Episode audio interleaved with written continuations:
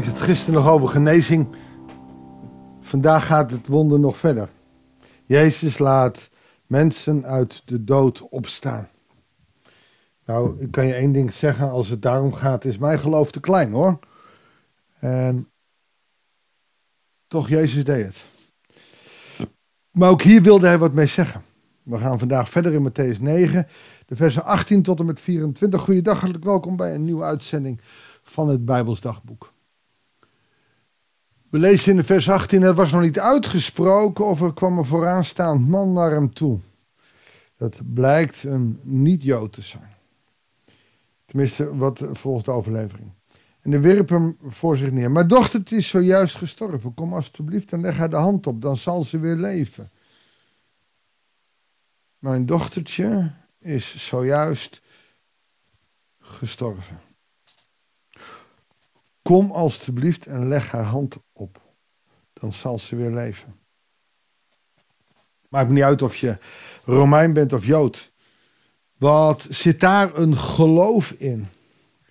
Had ik het gisteren nog over mijn eigen twijfel. Wat zit daar een immens groot vertrouwen in de goddelijke kracht. Mijn dochtertje is dood. Leg haar hand op en ze zal genezen. Als ik dat lees, dan raak ik beschaamd. Dan denk ik, wauw. Als het erop aankomt, is mijn vertrouwen dan zo groot? Jezus staat op en volgde hem. Samen met zijn leerlingen. Plotseling naderde van achter een vrouw die al twaalf jaar lang aan bloedverlies leed. Nou, als ik de vrouw in mijn leven kijk, vrouwen, dochters, één keer per maand, een paar dagen ongesteld, dat is een drama. Maar twaalf jaar lang bloedverlies. Schaamte, je mag nergens in het dorp, want je bent onrein. Je hoort er niet bij. Outcast. Deze vrouw ziet Jezus. Wat ze gedacht heeft, weten we niet. Maar zij had zoiets. Als ik alleen al de zoom van zijn jas aanraak.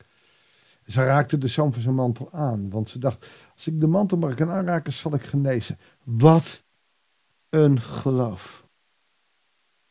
Heb je er wel eens bij stilgestaan? Ten eerste twaalf jaar lang ziek zijn. En dan komt er een geneesman langs. Een rabbi. En dan heb je zoiets van, ja, niet net als die vooraanstaande man. Als u uh, hand oplegt, dan zal genezen. Als ik alleen al de mantel, de zoom van zijn mantel zal aanraken. Jezus draaide zich om. En toen hij de vrouw zag, zei Houd moed, mijn dochter, uw geloof heeft u gered. En vanaf dat moment was de vrouw genezen. Als je het in een andere evangelie uh, leest, dan hoor je Jezus nog zeggen, wie heeft me aangeraakt? En dan zeggen de discipelen nog, nou het is zo druk. Maar hier kijkt hij meteen naar deze vrouw, hij herkent haar. Jij hebt een groot geloof en dat geloof heeft jou behouden. Als ik nadenk over dat grote geloof van die vader van Jairus en deze vrouw, soms beschaamt het me dan. Wauw, wat stelt mijn geloof dan voor? Het gaat goed, ik heb een huis boven mijn hoofd. Ik heb uh, een lieve vrouw getrouwd, heb kinderen, kleinkinderen. Ik kan het nog uh, rondkomen. Wat wil ik nog meer? Ik ga naar de kerk, ik maak een podcast. Als puntje bij paaltje komt, hoe groot is mijn vertrouwen? Hoe groot is jouw vertrouwen? Durf jij zo afhankelijk te zijn van God? Ik hoor wel eens mensen die diep in de ellende zitten en dan geen raad weten met, met het geloof. Als je diep in de ellende zit, gebeurt er bij mensen veel vaker dat ze van God afraken. Hier gaan mensen naar God toe. De vrouw, maar ook die vooraanstaande man, zijn een voorbeeld van hoe wij mogen leven. Weet je, en ik vertelde je gisteren over een wonderbaarlijke genezing. Hoe lang dat duurt en hoe dat verder zal gaan, weet ik niet. Maar het belangrijkste is dat wij naar Jezus gaan. En het belangrijkste is dat wij, dat wij zijn mantel aanraken. Niet om lichamelijke genezing alleen maar, want dat willen we zo graag. Maar om juist dicht bij Jezus te zijn. Zoals de oudste zoon Die klaagt van ja, waarom, uh, waarom krijg ik geen feestje? Ik ben altijd bij u geweest. En dat is nou precies het antwoord. Ik ben bij je. Meer dan een feest, meer dan genadegave, is de aanwezigheid van God in ons leven. In de mooie tijden, in de beroerde tijden, in de shit van ons bestaan. Jezus is erbij en God is erbij. En dat is belangrijker dan alle geld, alle goed, alle zegeningen die we krijgen. Dat is de grootste zegening. Dat is genade. Maar wij willen meer. Deze vrouw die al twaalf jaar lang ziek was, bloed vloeide. Wat zal ze bleek zijn geweest? Wat zal ze zwak zijn geweest? En zij had gehoord van Jezus. En voor haar was het veel makkelijker, joh, die was toch al ziek, dus wat kan er gebeuren?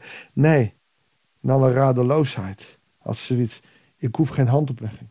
Ik hoef geen gebed, ik hoef geen zegening. Ik hoef geen ziekensalving, ik hoef geen, geen demonenuitdrijving.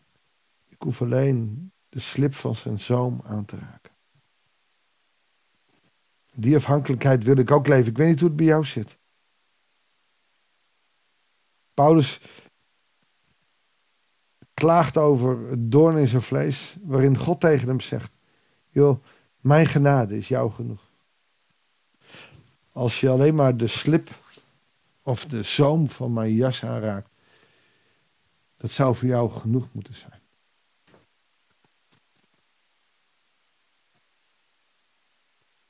Wij hebben het over genezing. Ik had het gisteren over genezing. De belangrijkste genezing is als je Jezus aanneemt in je leven. Hoe moeilijk je het ook hebt hoor. En ik praat echt niet alleen maar gemakkelijk. Hoe moeilijk je het ook hebt. Belangrijkste is dat God in je leven is. Maar als God dan in je leven is, als je dan zo'n vertrouwen op hem, dan doet hij soms ook wel het onvoorspelbare. Want nadat iedereen was weggestuurd, ging hij naar binnen bij het huis aangekomen. Hij stuurt iedereen weg, al dat gejank en dat geweeklaag. Hou eens op. Dat is in die cultuur. Hè? Ik heb wel naast mensen gewoond uit uh, Turkije. Dan was de man overleden en, en dan gingen ze thuis binnen gingen ze weeklagen. Gingen ze huilen. En dan als ze even moe waren, dan gingen ze naar buiten. En dan gingen ze een sigaretje roken en uh, lachen. En dan, en dan gingen ze weer naar binnen en dan, dan gingen ze weer huilen.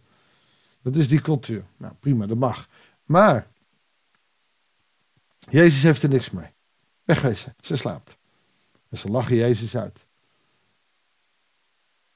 Hij ging naar binnen, pakte het meisje bij de hand en ze stond op. In het andere evangelie staat er dan, Talita Kumi, meisje sta op.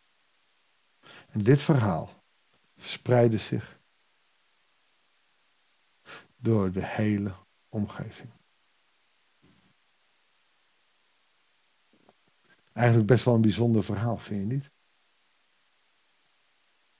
Het is een ongelooflijk boeiend verhaal. Over afhankelijkheid. Weet je, wij gaan naar die genezing kijken. Oh ja, nou, dat, moet God nou ook doen. En ik heb dan gisteren wel iets bijzonders meegemaakt. Maar uiteindelijk gaat het erom dat iemand, ook al heeft die hoogpijn, het vertrouwen blijft houden op God. Het is ongelooflijk goed om God in je leven te hebben. Maar het is niet altijd makkelijk. Als je pijn hebt, als je moeite hebt en zorg hebt. En er komen ook heel veel mensen tegen in mijn werk, in mijn persoonlijke leven, die heel veel pijn, verdriet, moeite en zorg hebben. En toch hun oog op Christus gevestigd houden. Hoe doe jij dat? Hoe werkt dat bij jou? Iets om over na te denken. Zullen we, zullen we gaan bidden?